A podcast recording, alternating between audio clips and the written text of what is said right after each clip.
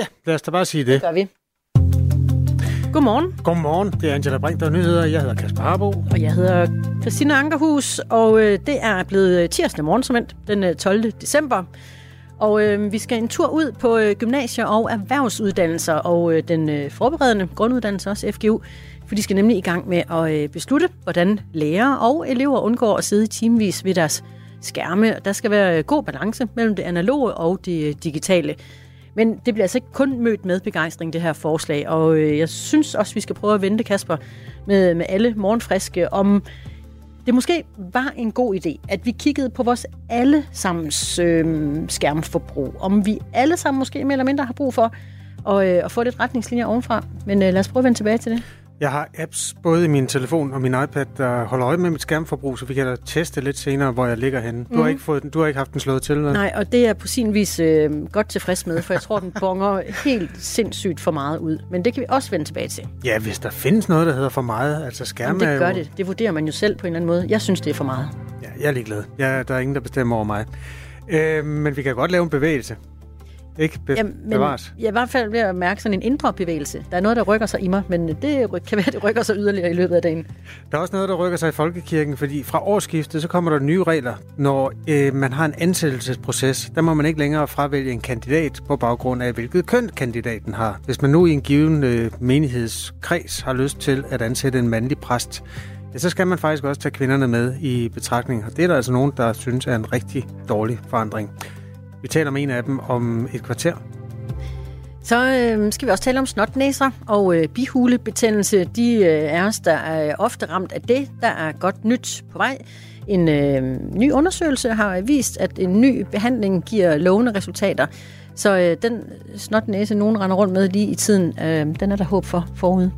Danmark vandt sin øh, sidste puljekamp mod Tyskland og satte sig så på førstepladsen i mellemrunden. Og øh, det betyder, at det er Montenegro, der venter i kvartfinalen.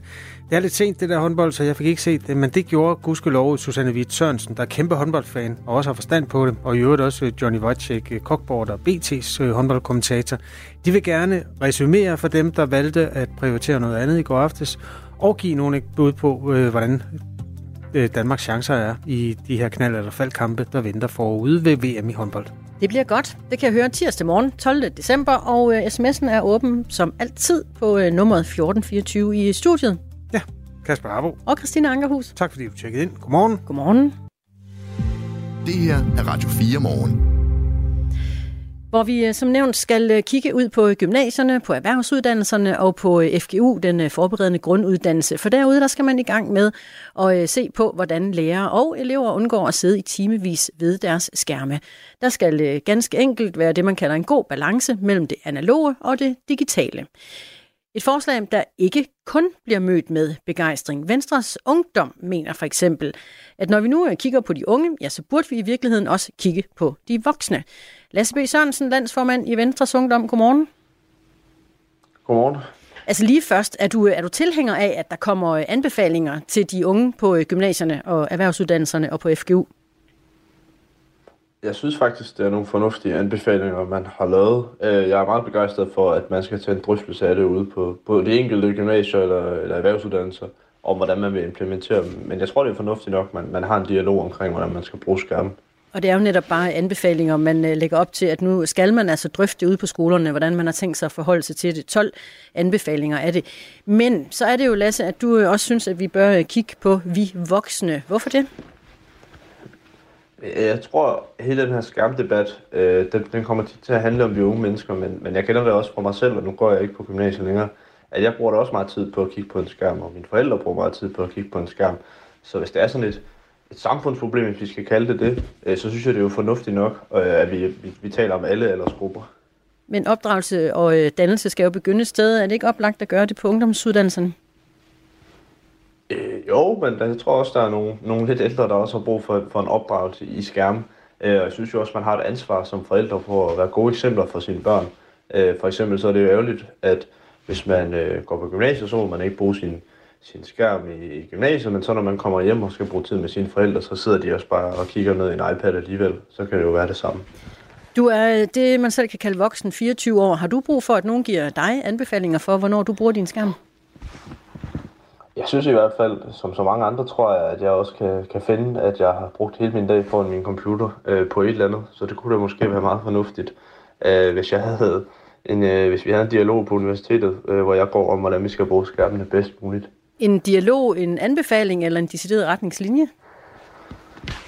Altså, nu er jeg jo ikke sådan øh, så meget øh, for decideret sådan, øh, retningslinjer eller regler. Jeg tror jo sådan set på, at folk godt selv kan, kan bestemme over deres liv. Men nogle gange er det meget fornuftigt, øh, at man får nogle anbefalinger og, og, og et udgangspunkt i at tage en dialog. Hvordan kan vi måske lave noget af det arbejde, vi laver på universitetet eller i VU, uden at skulle bruge skærm. Så lad os prøve at holde fast i det, Lasse. Hvordan skulle det øh, tage sig ud, altså hvis der skulle lægges en øh, anbefaling ned over din dagligdag på universitetet? Jamen, jeg tror, det, det handler om noget af det, der også står i de her anbefalinger. Altså, hvordan kan man for eksempel lave øh, gruppearbejde, uden det skal være centreret omkring skærm? Hvordan kan man have en dialog om et eller andet, øh, et eller andet forskningsspørgsmål, uden, øh, uden at man skal sidde og, og kigge øh, ind i en skærm eller, eller ind i et Google Docs-dokument. Det høres jo ikke altid, altid at være, øh, være online. Det kan man jo sådan set også godt have øh, analogt. Men behøver du nogen til at fortælle dig det? At det skal være sådan? Ja, jeg tror jo, at man kan jo konstatere, at, at vi bruger mere og mere tid foran en skærmtid, så det er måske meget fint, at der kommer nogle anbefalinger, men som jeg sagde før, så, så tror jeg ikke, at vi har brug for deciderede regler eller retningslinjer. Det synes jeg også er det positive med de anbefalinger, der er kommet her. Det er ikke bare er nogle regler, man har trukket ned over hovedet på gymnasierne. Det er mere noget, der ligger op til, okay, hvordan skal vi implementere det på, på vores skole øh, på mest fornuftig vis. Fordi man skal også passe på, at man ikke bliver teknologiforskrækket, altså man bare siger, nu må vi slet ikke bruge skærmen, fordi det tror jeg også er en dårlig udvikling. Men så lad os prøve øh, at kigge på øh, Lasse B. Sørensen, landsformand i Venstres øh, Ungdom, hvordan de tager sig ud de her anbefalinger, der nu er blevet lagt ned over ungdomsuddannelserne. Altså, skolen skal selv fastlæs, øh, fastlægge fælles rammer for brug af skærmene, og skolen skal også selv beslutte, hvordan at man skal undgå, at de unge bliver distraheret. Skolen skal sikre en god balance mellem det analoge og det øh, digitale, og alt det her det udmynder sig i øh, 12 forskellige anbefalinger. Vi ved fra undersøgelser tidligere, at øh, skærme har en negativ konsekvens for, øh, for de unge. Det øh, giver ofte dårligt mentalt helbred at sidde for meget ved en skærm, og man ved også, at det giver, altså det er et studie fra Island 2019, der viser en sammenhæng mellem øget skærmforbrug og dårligt humør, lavt selvværd, depression og social angst også. Er det på baggrund af den viden godt nok, at det er en anbefaling og ikke et decideret øh, påbud eller retningslinje? Det synes jeg. Altså, det, det er jo, der er jo mange negative ting med, ved skærm, det, som du læser op, men jeg tror også, der er mange positive ting. Så man skal virkelig passe på med, at man ikke bliver sådan teknologiforskrækket. Det handler jo også om at opdrage unge mennesker til at sige, sådan her er det fornuftigt at bruge din skærm, sådan her øh, er det ikke så fornuftigt at bruge din skærm. Lige nu, der skal vi lige sidde og lytte lidt, så der, der klapper vi lige computerne sammen. Altså det, det gjorde vi også, da jeg gik på gymnasiet øh, for øh, øh, 8-10 år siden, hvor der sidder det snart der.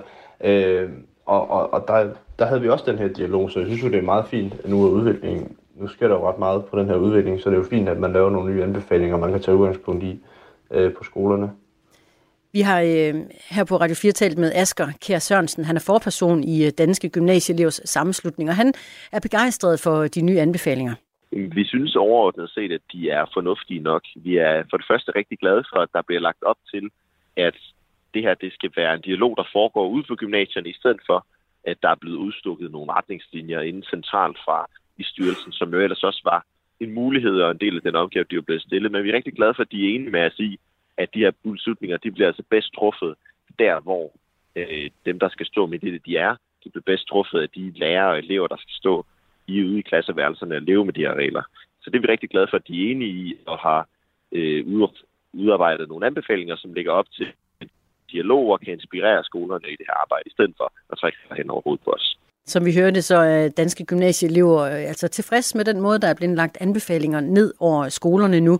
Lasse B. Sørensen er med os, landsformand i øh, Venstres Ungdom, fordi du peger på, at vi bør faktisk gøre noget, der minder om for de voksne også. Men mere konkret er det ude på arbejdspladsen, du ønsker det også?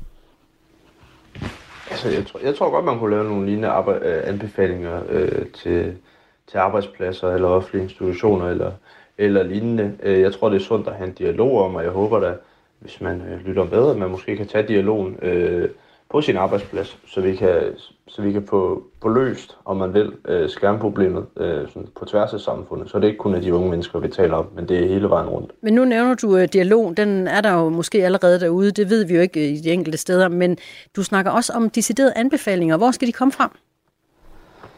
Det kunne jo være fra, fra, fra en lignende styrelse. Altså, der, der er jo sådan set ikke noget problem i, i nogle af de anbefalinger, der, der er lavet nu. Øh, dem kan man jo godt øh, videre implementere andre steder end på uddannelsesinstitutioner. Det handler sådan set bare om at sige, hvordan er det, vi måske vi bruger skærmene. Og så synes jeg også, man, man som voksen skal overveje, hvordan er det, man, man bruger skærmene i sit eget hjem. Hvad er det for et eksempel, man sætter for sine børn? Øh, det synes jeg ikke, staten skal bestemme, hvordan du bruger øh, dine skærme i dit eget hjem, men det kan du jo overveje øh, som individ. Lasse B. Sørensen, landsformand i øh, Venstres Ungdom. Tak fordi du var med her til morgen. Og øh, senere taler vi med en forsker, der mener, at, altså, at vi øh, voksne også skal kigge på vores skærmforbrug, ligesom Lasse siger det også, og på vores arbejdspladser. Det bliver klokken 7 minutter over syv. SMS'en er også åben. Lad os da endelig høre, om folk har brug for, at der bliver lagt anbefalinger ned over deres hverdag i forhold til, til skærmforbrug. Patrick er hypno- og psykoterapeut og skriver to gange har han, med henvisning til Lasse fra VU, vi lige taget med, brugt øh, begrebet teknologiforskrækket. Mm. Mit svar er, at vi skal lytte til den aktuelle forskning for meget teknologi for både unge og voksne til at visne. Balance er essentielt, skriver Patrick på nummer 1424. Øh, Christina, det, ah, vi har jo et øh, forsøg med at øh, teste livet uden alkohol. Det har du. Ja, det har jeg, og det har mine venner ude i virkeligheden, som er hoppet med på bevægelsen Hvid December med Radio 4. Du er velkommen til, for jeg gider ikke at gøre det, øh, i for eksempel januar eller februar, når den tid kommer, og teste en måned, hvor man øh, skifter til en drejskivetelefon, så man ikke kan sidde med alle mulige apps. Har, har du mod på det?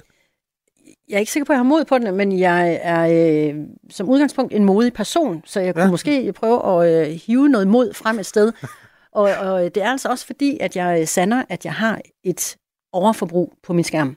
Altså, der er så mange gange i løbet af en dag, hvor jeg tænker, hvad laver jeg på den her skærm lige nu? Mm. Så kører der små, dumme videoer, som jeg bare bliver mere og mere afhængig af at kigge på, fordi der er et eller andet sjovt slag med halen, og, øh, og så hopper jeg straks videre til det næste. Jeg behøver det ikke i mit liv. Nej, men øh, det er jo meget rart. Altså, du behøver heller ikke kaffe. Det er jo også meget rart.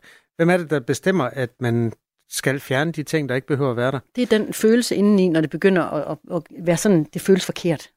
Jeg er lige ved inde i den app, der hedder Skærmtid på min mobiltelefon, som er mærket Apple.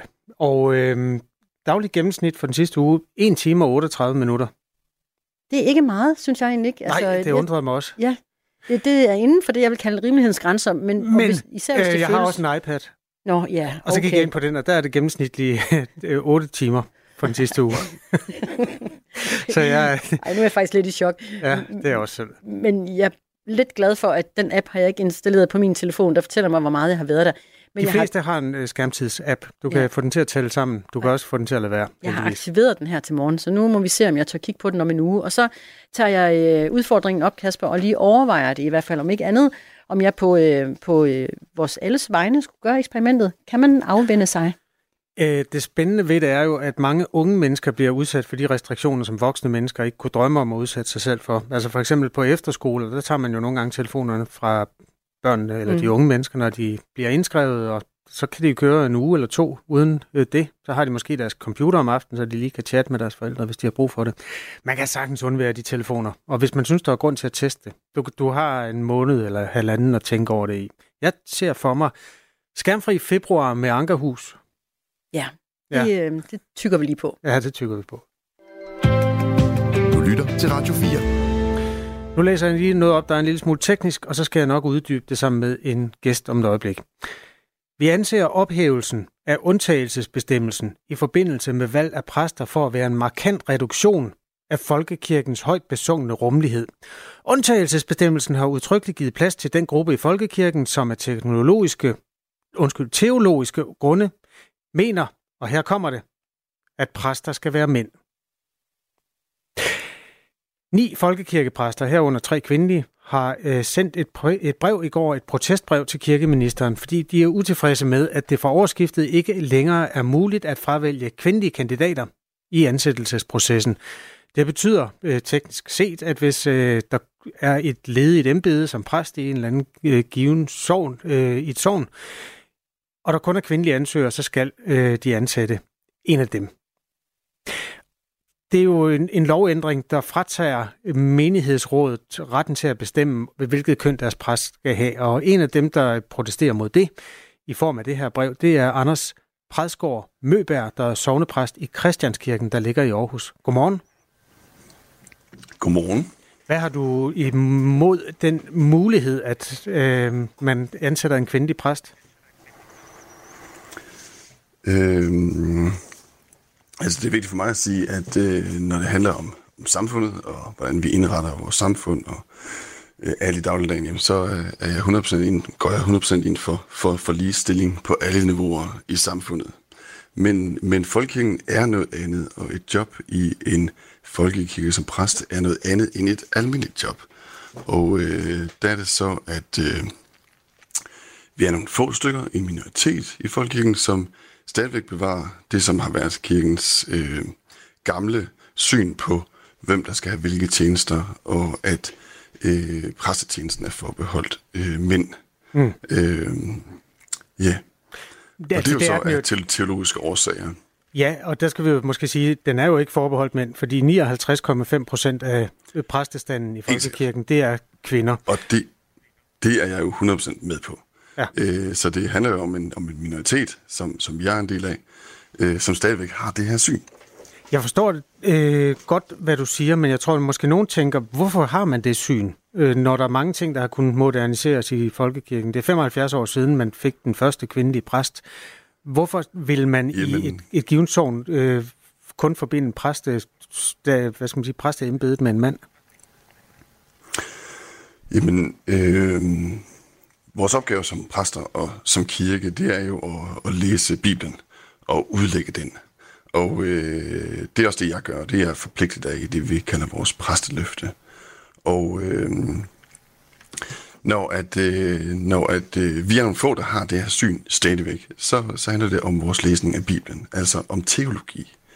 Øh, og øh, der er ikke tvivl om, at Jesus på nytestamentlig tid, altså dengang han selv levede, at, øh, at han var den, der skabte lige, lige, ligestilling øh, og, og virkelig forandrede også verden faktisk, altså forandrede samfundet og gav kvinder en helt anden plads, øh, særligt i, altså i årene efter han selv levede. Der forandredes mange ting mm. øh, med udgangspunkt i kirken.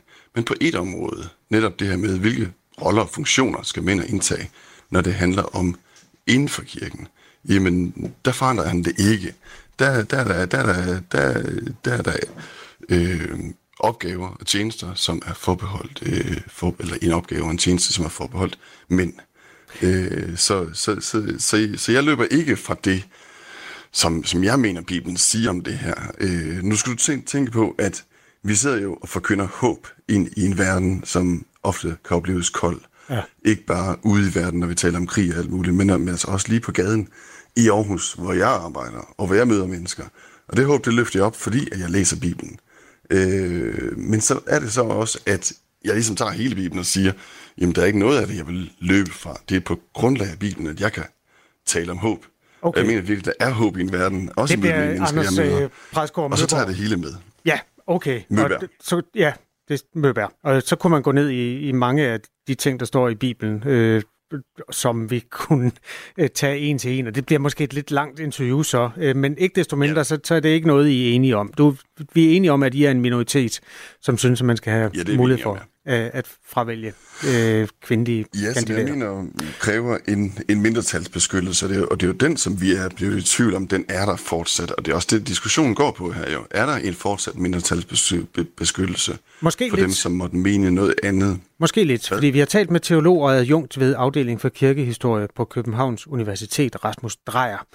Og jeg skal måske lige sige, hvis man er lige dumpet ind i det her interview, jeg taler med Anders Præsgaard Møbær, der er sovnepræst i Christianskirken i Aarhus, og som er en af de ni, som står bag en protestskrivelse til kirkeministeren. Øh, og utilfredsheden går på, at det for årsskiftet ikke længere er lovligt at indstille eller ansætte at fravælge kandidater på baggrund af deres køn.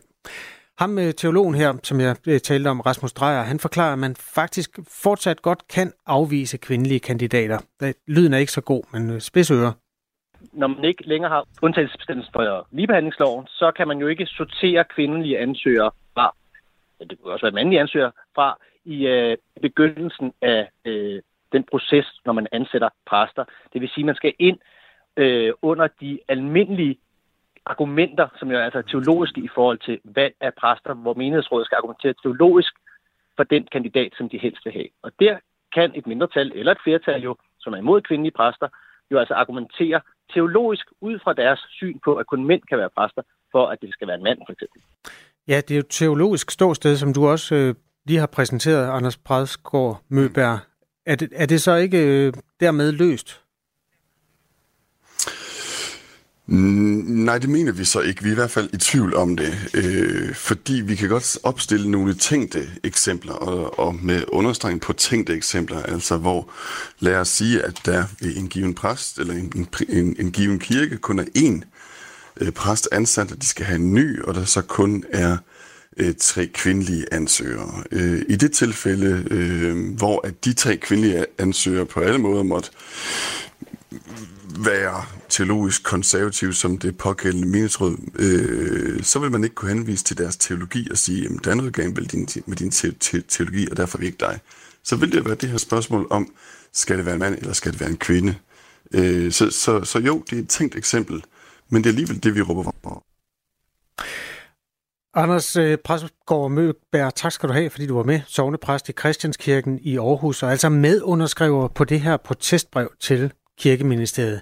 Det er jo en øh, tænkt situation, men den kan også sagtens opstå, at man i et givet tårn slår en præste, øh, altså præsteembedet op, og alle ansøgere er af et bestemt køn. Og spørgsmålet er så, om man fra menighedsrådets side har lov at slå den op en gang til, i håb om, at der kommer for eksempel en mandlig ansøger, hvis nu der kun var kvindelige ansøgere i bunken. Og det er der en risiko for, eller en mulighed for, alt efter hvordan man ser på det, fordi kvinderne udgør næsten 60 procent af præstestanden, som det ser ud her i år 2023. Øh, det er helt faktuelt, så forholdt det sådan, at kvinderne var udelukket fra teologistudiet indtil 1875, men fra, den, øh, fra det år kunne de altså læse teologi på universitetet og komme til eksamen. Det kunne de så først øh, i 1904, og noget senere. I 1948 fik vi vores første kvindelige præst, og siden kom der altså mange flere. Klokken er tre minutter i halv, øh, halv syv. Det her er Radio 4 morgen. Og vi har øh, talt og taler fortsat om øh, skærme i skolerne. Der er nemlig kommet 12 anbefalinger for, hvordan man på en række af ungdomsuddannelserne prøver at begrænse de unges brug af skærme. Mere kan foregå analogt og mindre på den digitale skærm, og øh, alt sammen for at øh, skærpe elevernes opmærksomhed på øh, undervisningen, og måske også for at undgå, at de får det dårligt, mentalt dårligt, som man ved fra undersøgelser, at nogen får det af at sidde der for længe. Der er kommet et, øh, en sms, hvor der står, det er Christian, der foreslår, at man øh, skulle måske prøve at, øh, prøve at lave et fag i skolen, sådan lidt survival-agtigt, eller over i noget spider-agtigt FDF, hvor man lærer lidt om, hvordan man faktisk kan overleve uden YouTube. Ja, tænk, hvis man kan det det, må, det er måske det, vi skal finde ud af. Øhm, Helle skriver, godmorgen, skærm i skolerne. Jeg er helt enig med Mathias Tesfaye. Og Tesfaye, han har jo blandt andet talt om, at der havde siddet børn og bestilt tøj online. Var det ikke et af de eksempler, han fremhævede? Det var det nemlig. Det er vores undervisningsminister. Endvidere mener jeg, at indførelsen af masser af natur, skønhed i det fysiske rum, kreativitet, eventyr, teater, fortælling, musik og sang er afgørende for børnenes indlæringsevne i børnelivet og som fundament fremover i menneskets liv og trivsel, hvilket igennem mange år er bevist og praktiseret i Rudolf Steiner-skolerne, skriver Helle. Og nu kender jeg ikke øh, Steiner-skolernes øh, skærmpolitik, så hvis du har lyst, må du gerne uddybe den, øh, Helle. Det hører jeg også gerne. Det kan også være, at vi har folk, der har gået på Steiner skole med præcis. på sms'en. Fortæl gerne om det. Lige præcis, og jeg synes egentlig også, at vi lige skal få lidt øh, input på, den del øh, om, hvorvidt vi som voksne har brug for nogle anbefalinger på, hvor meget eller hvor lidt vi skal sidde på vores skærme. Kunne det være på din arbejdsplads, at din øh, arbejdsgiver eller man i øh, tillidsmandssystemet et eller andet sted kollegialt blev enige om, at vi skal faktisk øh, ikke sidde med vores telefoner fremme i frokostpausen, eller vi skal alle sammen lægge vores telefoner ned i skuffen, eller noget helt tredje eller fjerde. Kunne du være indstillet på det og have lyst til det, eller det øh, stik modsatte, så skriv til os på sms'en på nummer 1424. Der er også nogle mennesker, der synes, at vi lever, eller det gør vi, i et meget reguleret samfund, og øhm, det får nogle associationer til at melde sig hos øh, David, der hører med. Hvorfor er det, at nogen her i vores samfund ønsker, at vi skal være sådan nogle robotter, der alle sammen skal gøre, og efterleve det, som en styrelse mener, at vi skal? Det bliver mere og mere i retning af kommunisme. Skal vi have politiet til at holde øje med os? Var der nogen, der sagde Kina? Nej, ikke her i radioen i hvert fald. Nej, men da, inde i Davids hoved var der virkelig nogen, der sagde Kina lige der. Men skriv endelig til os, som David har gjort det, og Helle og de andre 1424 er nummer. Klokken er halv syv. Nu er der nyheder på Radio 4. Volodymyr Zelensky er i disse dage i USA, og her advarer den ukrainske præsident politikerne i den amerikanske kongres mod at slække på den militære støtte til hans land. anne Sofie Felt fortæller. Den ukrainske præsident siger, at hvis der er nogen, der nyder godt af politisk uenighed i Washington, så er det den russiske præsident Vladimir Putin og folk omkring ham. Han siger, at deres drømme går i opfyldelse, når der er forsinkelser i støtten til Ukraine. Ukraines præsident ankom i går til USA på officielt besøg. Siden Rusland invaderede Ukraine i februar 2022, så har Ukraine i høj grad været afhængig af militær støtte fra USA og fra andre vestlige lande. Men i sidste uge der blokerede en gruppe republikanske senatorer for en anmodning fra det Hvide Hus om en donation på 106 milliarder dollars til akut hjælp til Ukraine og Israel. Republikanerne sagde, at de ikke ville stemme for donationen, hvis det hvide hus ikke også gik med til vidtrækkende reformer på integrationsområdet. Volodymyr Zelensky fortsætter sit besøg i USA i dag, hvor han blandt andet skal mødes med præsident Joe Biden og den republikanske formand for repræsentanternes hus, Mike Johnson. Højesteretten i den amerikanske delstat Texas har nu omgjort den afgørelse, der gav 31-årige Kate Cox tilladelse til at få en abort. Det skriver lokale medier. Texas har en striks abortlovgivning, og Kate Cox's graviditet og ønske om abort har trukket overskrifter i flere medier, fordi den har sat gang i en større debat om abortreglerne. I august blev Kate Cox gravid, men kort tid efter stod det klart, at barnet formentlig ikke ville overleve fødslen på grund af en kromosomsygdom. Samtidig ville hendes livmor briste, hvis graviditeten ikke blev afbrudt, hvilket kan true hendes liv og fertilitet. Derfor fik hun i første omgang lov til at få en abort, men fredag blokerede en højere retsinstans i delstaten for afgørelsen, og nu har højesteret altså besluttet, at hun ikke må få en abort i Texas. Kate Cox's advokat meddelte i går, at hun har forladt delstaten for at få en abort et andet sted. Vores købekraft kommer til at vokse over de næste par år. Det viser regeringens økonomiske redegørelse, som TV2 er i besiddelse af. Redegørelsen bliver offentliggjort i dag. Danskernes købekraft er i gang med at blive genoprettet, så den for mange allerede i 2024 vil være tilbage på niveauet før den voldsomme inflation ramte Danmark. Det er positivt, skriver økonomiminister Stefanie Lose i redegørelsen. Hun tilføjer, at dansk økonomi står stærkt, og at det samme gælder for det danske arbejdsmarked, hvor der vil være en lille tilbagegang. Ifølge TV2 er forventningen, forventningen, forventningen i den økonomiske redegørelse, at beskæftigelsen vil falde med 30.000 personer fra 2023 til 2025, men at den stadig vil være forholdsvis høj. Dennis Flytkær, som er folketingsmedlem for Danmarksdemokraterne, er sygemeldt fra Folketinget. Det skriver han på Facebook mandag aften. Jeg har på anbefaling fra min læge valgt at blive sygemeldt fra Folketinget. Det skyldes ikke arbejdspres eller andet som politiker, men derimod en storm af udfordringer, som har ramt mig og min familie skriver han altså. Dennis Flytkær er finans- og kommunalordfører i Danmarks Demokraterne. Han var tidligere medlem af Dansk Folkeparti og blev valgt ind i Folketinget for første gang i 2011. Han er også tidligere viceborgmester i Herning. Det var han fra 2014 til 2017. I dag skyder mest tørt vejr, temperatur mellem frysepunktet og 3 graders varme.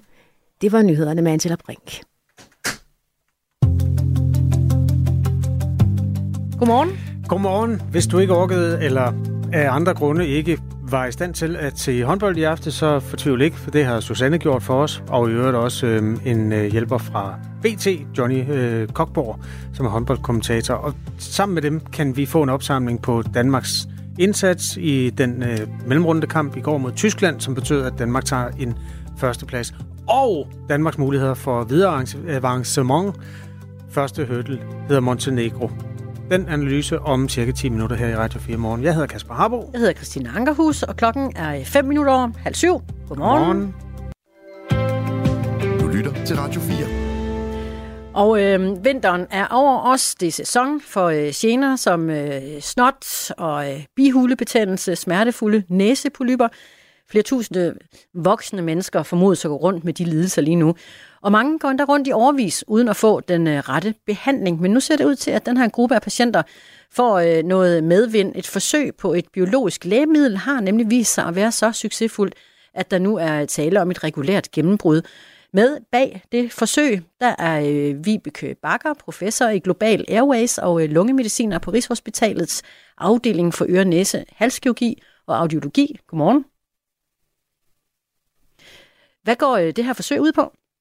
Jamen, det er ikke rigtigt at kalde det et forsøg. Nå nej, så gør vi ikke det. Fordi det er jo simpelthen en etableret behandling, som er blevet indført. Og det kan man selvfølgelig så godt sige, det er et forsøg.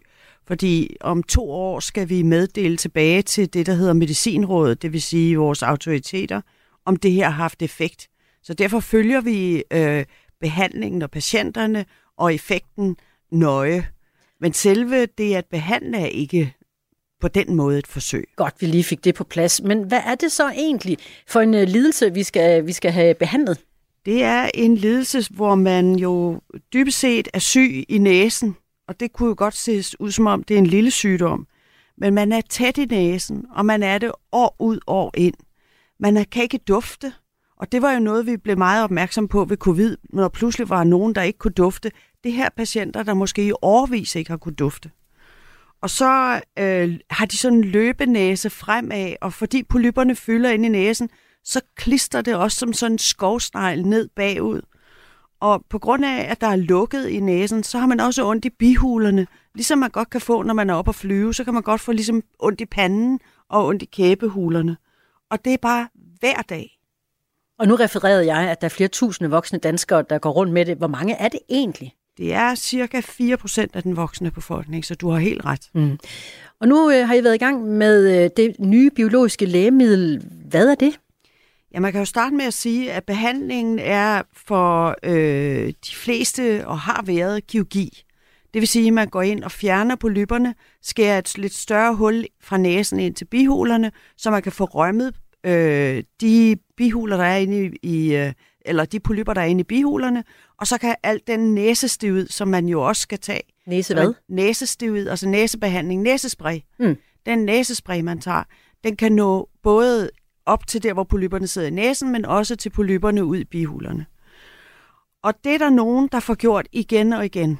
Øh, og de patienter, der får det gjort igen og igen, de har nogle øh, irriterende celler i deres øh, blod og i deres slimhænder, som gør, at øh, de der polypper, de vokser frem. Det er også de samme celler, der giver astma. Og det er derfor, det giver mening, at jeg er i den stilling, jeg er. At jeg tager mig både af næsepolypper og astma. Og den biologiske behandling, det er så en behandling, man starter, øh, og så øh, bliver de der celler generet, og får ikke, for, for, de bliver simpelthen fjernet fra systemet, og så skrumper de her Øh, bihulepolypper og næsepolypper, og på den måde, så får man pludselig mere luft, man får mere duft, man får ikke slim, der løber både foran og bagud, så når man lægger sig ned, så klister det sig ned langs med halsen inden, indeni, og smerten øh, til øh, bihulerne forsvinder.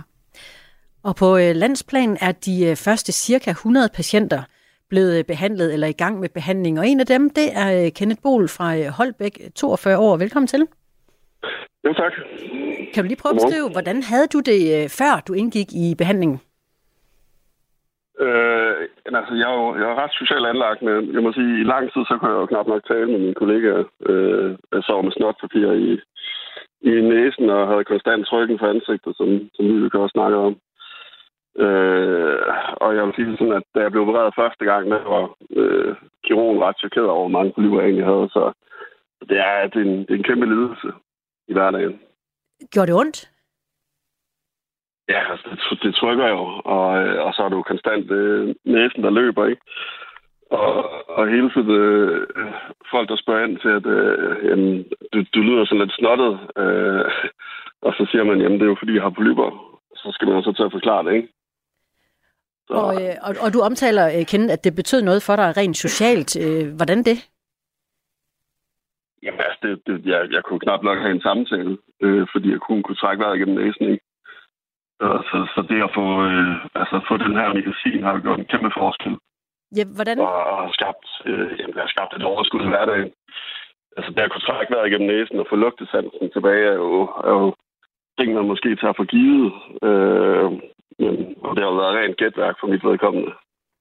Øh, og man kan sige, at i, i den seneste dufttest, jeg havde på Rigshospitalet, der scorede jeg jo 16, eller 14 ud af 16 rigtigt. Så, hvad betyder det for dig, at du øh, kan dufte igen? Øh, har det også betydning for øh, din smag og øh, altså, glæden ved mad? Ja, altså, det er jo det er så lidt at få duften af livet tilbage igen, ikke? Fordi, øh, altså, jamen, at tage på et fodboldstadion og bedufte en fransk hotdog og spille øl og spice, altså, det, det er jo lige pludselig himmelsk.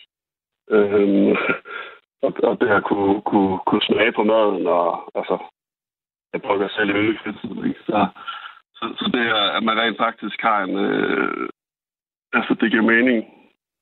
Det er Kenneth Bol, der er med os øh, fra Holbæk, 42 år, og som har øh, været en af de øh, cirka 100 patienter, der er blevet behandlet af et nyt biologisk lægemiddel, der øh, sikrer, at man, som du fortæller, får et, øh, et bedre liv før, hvor du var så hårdt plaget af, af polyper og ikke kunne øh, lugte og dufte og dårligt nok kunne tale med dine kolleger. Har der været nogle øh, ulemper ved forløbet omkring den nye behandling for dig? Nej, det har der faktisk ikke. Altså, det har for, forbedret min livskvalitet øh, væsentligt. Øh, så nej, nej, det har der ikke tværtimod. Altså. Vi har også Vibeke Bakker med, som er øh, lungemediciner og professor i øh, Global Airways og på øh, Rigshospitalets afdeling for øre, næse, halskirurgi og audiologi. Er det et typisk forløb, som vi hørte her fra Kenneth? Ja, det synes jeg, det er. Det er hovedparten af dem, vi sætter i behandling. De får et helt andet liv tilbage, og man kan jo også forestille sig den manglende produktivitet, man kan have, når man er øh, tæt i næsen, har tung i hovedet, og ligesom ikke kan dufte og er sur i sin hverdag. Det, det bliver et andet liv, og jeg forestiller mig også, at man bliver en bedre medarbejder faktisk. Og forud for det her, så er der jo rigtig mange patienter, der udover at have fået kirurgi, og hvor de har fået det fjernet. Fordi i det øjeblik, man fjerner polyperne, så får man jo luft. Det er ikke nødvendigvis, at man får duft, men man får luft. Men mange har fået binyrbarkhormon, som enten sprøjter eller tabletter, og måske nogle af dem, nogen med, med den her sygdom, har fået det tre gange om året. Og øh, det er dårligt for kroppen. Det giver knogleafkaldning og sukkersyge og ændret kropsfordeling og er i det hele taget noget skidt. Men øh, men det kan man stoppe med, når man får biologisk behandling.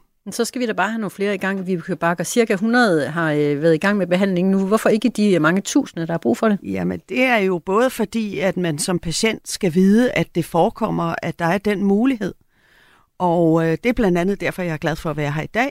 For ligesom at sige, gå til din ørenes halslæge og finde ud af, om de øh, nye biologiske behandlinger kunne være en mulighed for dig så har vi sørget for, at i alle fem regioner, 10, 10 sites, 10 Ørenes halsafdelinger, er med i den her samlede dataindsamling, hvor vi har opbygget en database, hvor alle patienterne kommer ind i, så vi både kan se dem, der øh, ikke kunne komme i biologisk behandling, dem, der så kom i biologisk behandling, og dem, der ad over måske ikke var syg nok lige når de kom først, så kan vi se, at de kommer i næste omgang. Og så når vi så øh, starter biologisk behandling, så følger vi selvfølgelig, at det går den rigtige vej. Så alle 10 afdelinger, ørenes halsafdelinger i Danmark, er sådan set klar til at tage imod de patienter, der er så syge med polyper, at øh, de ikke ved en operation mm. har glæde af det. Som, en øh, operation er okay. En operation er okay. Kenneth Bohl var også med os, 42-årig patient fra Holbæk-området, og Vibeke Bakker, professor i øh, Global Airways. Tak til jer begge to. Til Radio 4. Skal vi ikke have noget håndbold? Fordi øh, vi var jo, jo nogen, tak. der ikke fik set den kamp i går. Det gjorde Susanne Witt Sørensen heldigvis. Godmorgen. Øhm, det, det vi ved er herinde, det er, at Danmark slog Tyskland i den sidste mellemrundekamp øh, ved VM i kvindehåndbold 30-28. Danmark var på forhånd kvalificeret til kvartfinalen, men øh, resultatet i går havde betydning for, om man endte som etter eller toer i puljen, og det har så betydning for, hvilken modstander, der venter. Det kommer vi til. Øh, giv os lige sådan en kort øh, på begejstringsskalaen. Hvor godt var det i går? Ej, det var en god kamp. Det var en rigtig god kamp. Øh, det var spændende. Det var rigtig, rigtig tæt. Øh, det var først øh, til sidst, at Danmark sådan rigtig trak fra, og, og man kunne håbe på, at, øh, at de gik øh, med sejren til sidst. Hvem var stjernen i går? Anne Mette Hansen. Okay. Uden tvivl. Hvorfor? Jamen, hun lavede bare øh, de der ting, hun nu kan. Hun bragede igennem, og hun fyrede den af udefra, og hun, øh, hun stod godt i forsvaret. Altså, hun, hun gav den virkelig gas.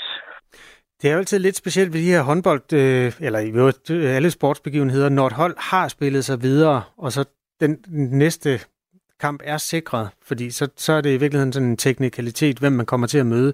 Kunne man mærke det, at det ikke var sådan en liv- eller død kamp? Nej, det kunne man ikke. Øh, de, de spillede for at vinde, uden tvivl.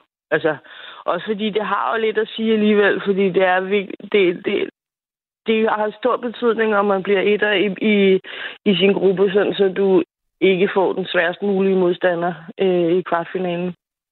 Og Sverige skulle vi have mødt, hvis vi havde tabt, og det vil de helst ikke. Ikke endnu. Nej, okay. Nej, men perfekt. Susanne, tak fordi du lige er hos os. Vil du, har du tid til at blive, blive et øjeblik, så vil jeg også lige hilse på øh, Johnny fra BT. Ja, selvfølgelig. Johnny Volcek øh, Kokborg er håndboldkommentator på BT. Godmorgen. Godmorgen. Det, det, som I laver nu, du og Susanne, det er jo en service til os, der ikke så kampen i går, fordi vi skal have så sindssygt tidligt op. Så øh, jeg skal bare lige høre, om, inden vi går analytisk til værks, om du deler begejstringen, at det var en super kamp. Ja, altså, jeg synes, det var en, en, en udmærket kamp, men jeg er ikke sådan helt blæst tilbage endnu. Okay. Hvad skyldes dine forbehold der? Jamen, altså, der var bare... Altså, jeg er helt enig i, at Mette Hansen øh, blandt andet spillede en fantastisk kamp, og der var også nogle gode momenter, men der var bare... Øh, nogle defensive problemer, som jeg også kan se kan blive et, øh, et issue uh, i forhold til sådan det ultimative, og det er jo, at Danmark skulle, skulle vinde VM-guld. Så uh, det, det, det, det gør mig en smule bekymret sådan fremadrettet. Jeg kan godt mærke, at du er analytisk anlagt og allerede er klar til at analysere på Danmarks videre muligheder, Johnny, og det skal du nok få lov til. Øh, jeg kan lige fortælle øh, sådan helt faktuelt, at Danmark jo med sejren sikrer sig en førsteplads i en gruppe, som bliver krydset med en anden gruppe, hvor det var Sverige og Montenegro, der besætter de første to pladser. Og som øh, Susanne Witt Sørensen fortalte, så vil Danmark i kraft af sin første plads blive krydset med toeren i den anden gruppe, som så er Montenegro. Hvor gode er de, Johnny øh, Kokborg? Altså, det, det er et hold, man ikke skal tage let på. Øh, de har øh, de vandt bronze sidste år til, til EM, men har mistet lidt, lidt profiler siden da, så, så altså, de, de er nok ikke i helt øh, samme stand, men at det, er et, det er et hold, der er, er, er trænet af Bojana Popovic, som, som, som dansk håndbold kender rigtig godt fra dagene i, i Viborg på Slagelse Dream Team, så hun, øh, hun har godt styr på dansk håndbold, så, så altså, det, det er en modstander, man skal have respekt for, men altså, for at være ærlig, så det er en drømmemodstander i en kvartfinale for Danmark som øh, Susanne sagde, så kunne Danmark have, have rent ind i Sverige, og det har været de dimensionale modsatte, altså en Marits modstander. Så Danmark er, er kæmpe favoritter i den kvartfinale, og det vil være alt andet end skuffende, hvis det ikke øh, hedder semifinal på fredag. Det, det kan vi ikke løbe fra. Vi samler op på øh, håndbold-VM sammen med øh, Johnny øh, Voltek Kokborg her, og så Susanne Witt Sørensen, som bare er stor fan af håndbold. Susanne, en ting er jo at øh, se det danske holds muligheder. Har du fået nogle gode oplevelser ved at se nogle af de andre hold, altså nogle af Danmarks modstandere også? Er der nogen øh, hold, der sådan øh, viser sig frem på en god måde? Ja, det synes jeg, der er. Øh, nu sad jeg så øh, kampen med, med Norge forleden dag, og de spiller altså... Det, og det var endda ikke engang en af deres bedste kampe, men de spiller, de spiller flot håndbold. De har styr på deres kontra. Øh, jeg har set Spanien spille, de er noget svingende. Øh, men så synes jeg faktisk, øh, at, at der er mange gode hold, og alt andet lige, alle kampe øh, fra nu af bliver jo drønsvære. Altså, der er jo ikke nogen lette modstandere tilbage. Nogle lettere end andre, men, men hvis vi skal gå hele vejen, så, så, skal, de, så skal de stramme op og, og give den fuld gas fra nu af. Nu nævner du Norge der, øh, og Johnny, jeg ved ikke, om du så du kampen mellem, øh, hvad det var Norge og Frankrig, ikke? Den der meget... Øh, jo. Ja. Øh, Johnny Cockborg, er, er, ender det som det plejer, at Norge de vinder guld, eller hvad? Øh, ja, det ville jeg have sagt inden uh, VM, men nu så jeg også den kamp, og der, der synes jeg virkelig, at Frankrig præsenterede sig som, som en lige så stor kandidat. Så altså, jeg kunne også sagtens se en VM-final mellem Norge og Frankrig, øh, og det, det, det tror jeg faktisk mere og mere på, øh, efter at de, de er jo kommet hver deres halvdel, og, og, og Danmark er jo en mulig modstander for Norge øh, fredag. Jeg kan ikke, lige nu og her kan jeg ikke se uh, danskerne slå øh, Norge, så altså, ja, det er, det er the usual suspects, desværre, kan man sige, med dansk ja, okay. Øhm, helt historisk så har Danmark jo vundet en øh, VM-guldmedalje, eller holdet har fået en stak guldmedaljer. Et tidligere i historien, det var i 1997 ved en VM-slutrunde, der blev spillet i Tyskland. Så har Danmarks håndboldkvinder jo altså også vundet en stak andre medaljer, blandt andet øh, OL-guld i 2004, som var den tredje træk. Danmark har også vundet EM tre gange, men det er jo ved at være længe siden. Øhm, lad os tage et guldbarometer, eller medaljebarometer i virkeligheden. Øh, Susanne Witt Sørensen, hvordan ser du Danmarks medaljechancer? Altså, jeg er fan. Jeg tror stadig på det. Øh, jeg kan godt se, som, øh, som, som der bliver også bliver sagt, at det er rigtig, rigtig svært. Øh, og Norge og Frankrig er klart kandidater til, til øh, finalen. Det er jeg helt enig i. Men jeg, jeg tror stadig på Danmark. Jeg, jeg tror på det. det. Det bliver jeg nødt til. Ja, okay. Men altså, der skal jo også spille som bronzemedalje på et tidspunkt, så det kunne være der, den, den endte. Nej, jeg, jeg, jeg håber og tror på guld. Johnny, øhm, Voltek Kokborg, du har mere det analytiske blik på det her. Kan, kan, kan det pares, sådan at Danmark rent faktisk undgår de der to øh, modstandere ind til finalen, eller hvornår går det galt?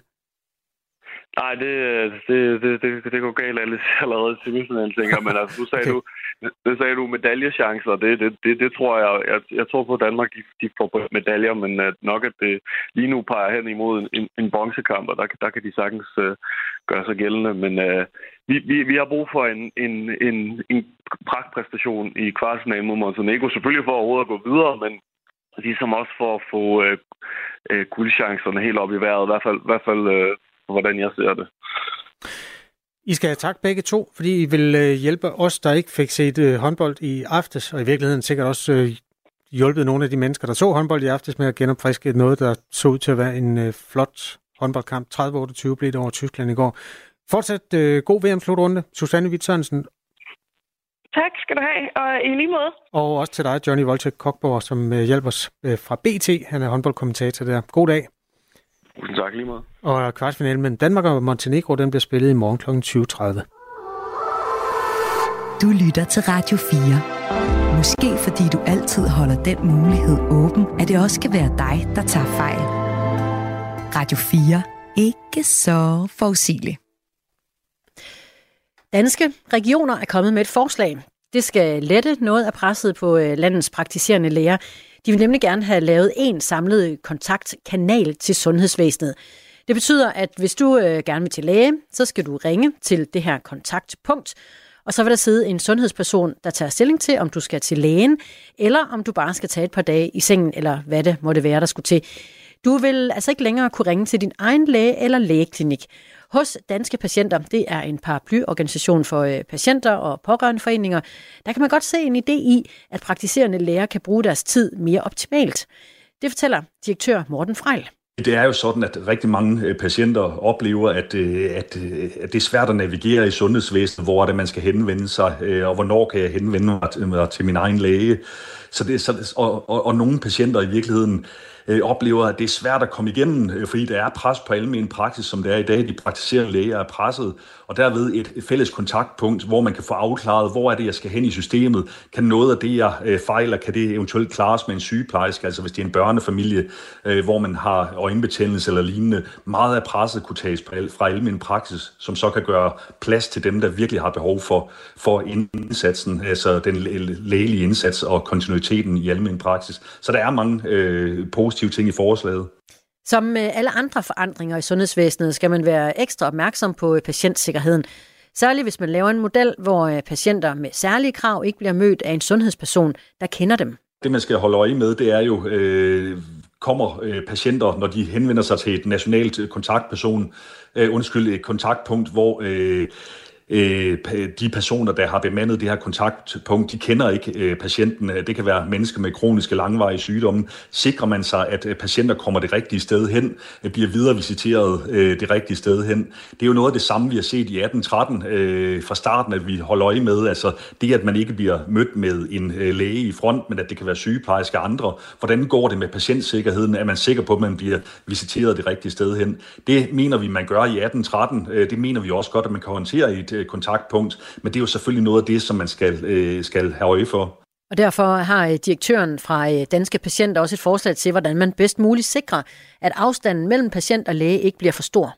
Det er jo klart, at det her kontaktpunkt skal, være en, skal kunne videre visitere til egen læge, og det vil sige, at hvis, øh, hvis patienten øh, har nogle problemstillinger, som man vurderer i det her kontaktperson, det, øh, punkt, at det, det, det, at det kræver virkelig øh, kontakten med lægen, en læge, som kender patienten, fordi at øh, nogle mennesker har kroniske, komplekse sygdomme, hvor vi ved, at kontinuiteten mellem patient og læge, altså det, at man har den samme læge, at det er vigtigt. Og der er det jo vigtigt, at når patienter henvender sig i det her kontaktpunkt, at man så bliver videre visiteret til sin egen læge, hvis det er det, der er behov for. Og det er jo det, vi må se på, når forslaget kommer. Hvordan bliver det udmyndtet? Hvordan sikrer vi, at, der, at det skaber den her entydige indgang for patienten, men også sikrer, at patienten bliver videre visiteret øh, til øh, egen læge, hvis det er det, der er behov for. Men vi ved også, at der er mange øh, mennesker, der bare har øh, behov for at øh, komme igennem til en sundhedsperson og hurtigt få vurderet, om den her høje feber eller den her betændelse i øjet, om det er noget, der øh, kræver, at jeg ser min læge, eller om kan det håndteres på andre måder. Og der vil det jo, jo kunne frigøre ressourcer her, at man har det her øh, øh kontaktpunkt, sådan at vi kan bruge ressourcerne i almen praksis, altså hos de praktiserende læger, på den mest fornuftige måde, så vi sikrer, at der er adgang for alle. Udspillet fra danske regioner bliver ikke taget godt imod af praktiserende lægers organisation. Formand Jørgen Skadborg, ja, han siger, at kontakten med egen læge er en af hjørnestenene i det danske sundhedsvæsen, og han kalder faktisk forslaget i øh, Jyllandsposten for noget af det mest fjollede, han har hørt. Morten Frejl fra øh, Danske Patienter forstår godt PLO's bekymring, altså praktiserende lægers organisationsbekymring, men han mener ikke, at et kontaktpunkt nødvendigvis betyder, at man skal gå på kompromis med kontakten til egen læge. De mennesker, der har kroniske langvarige sygdomme, de aftaler selvfølgelig at gå i et forløb hos egen læge, ser den samme læge. Det her det skal være med til at sikre, at man får en mere entydig indgang øh, til, øh, til sundhedsvæsenet for patienterne, at noget af det, der kan klares andre steder i sundhedsvæsenet, bliver klaret andre steder, sådan at vi kan frigøre den tid, der er nødvendig, for at netop de her mennesker, der har brug for en langvarig kontakt, de kan få det, de, de skal have. Vi oplever simpelthen i dag, at der er mange mennesker, der øh, ikke i tilstrækkelig grad kan komme i kontakt med deres egen læge. Det er også svært at komme i kontakt med sundhedsvæsenet efter lukketid, så ringer man til akuttelefoner i stedet for. Vi tror på det, at man har et, et kontaktpunkt, kan sikre, at patienter i højere grad kommer derhen, øh, hvor øh, de har behov for at komme, og at man så ikke spilder ressourcerne, øh, de lægelige ressourcer på dem, der i virkeligheden ikke har brug for at se en læge. Og så lyder det fra direktøren i organisationen Danske Patienter, Morten Frejl. Finn har øh, skrevet til os, hvorfor ikke bare en telefonsvarer, der siger, tag to panodiler og se tiden an. Det er næsten sådan, vagtlægen fungerer, uanset om du har influenza eller hjertestop, skriver Finn.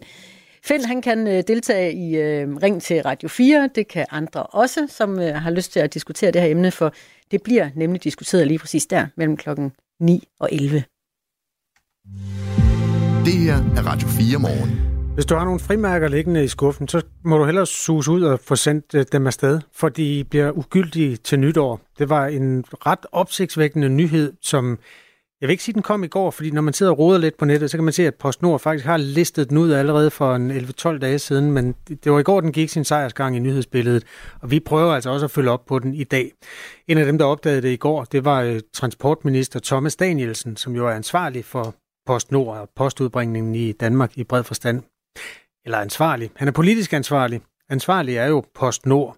Og PostNord har altså taget den beslutning, at fordi der er nogle ændrede momsregler, der gør det dyrere at sende breve efter nytår, så vil de frimærker, som er blevet indkøbt før nytår, altså øh, hvis du købte et ark i går for eksempel, ja, det vil ikke kunne bruges mere, fordi de er jo ikke med moms på. Det lyder meget teknisk, og det burde det i virkeligheden ikke være, synes Thomas Danielsen. Altså, man kan jo sådan set bare sørge for, at folk med de gamle frimærker putter et ekstra på. Frimærker er jo bitte små pengesedler, kan man sige. Det kan og man hvis sige. Det, hvis det koster en 20 at sende et brev, tænkt eksempel, efter nytår vil det koste 25 kroner, så kan man jo med de gamle 20 kroners frimærker, eller hvis nu du havde, nu bliver det meget teknisk, hvis du havde fire frimærker af 5 kroner, så vil du kunne putte dem på og sende et brev i dag. Efter nytår skal der så bruges fem af dem. Altså det kan jo godt lade sig gøre, men det synes Post Danmark ikke, eller PostNord ikke er, er, er vejen frem. Vi øh, undersøger sagen og er allerede i kontakt med PostNord her tidlig morgen og arbejder på at øh, få et interview. Så øh, synes jeg, vi skal stille de øh, gode, undrende spørgsmål, du øh, brænder ind med, Kasper. Ja, og øh, jeg kigger lige ud på dig, producer Gustav. Kan I skaffe transportministeren også? Han arbejder på sagen. Øh, det, det, det, det, det må vi se også. Ja, det, det tager form Gode efterhånden. ting i som... støbeskeen. Tirsdag morgen klokken 7. Du har lyttet til en podcast fra Radio 4. Find flere episoder i vores app, eller der, hvor du lytter til podcast. Radio 4. Ikke så forudsigeligt.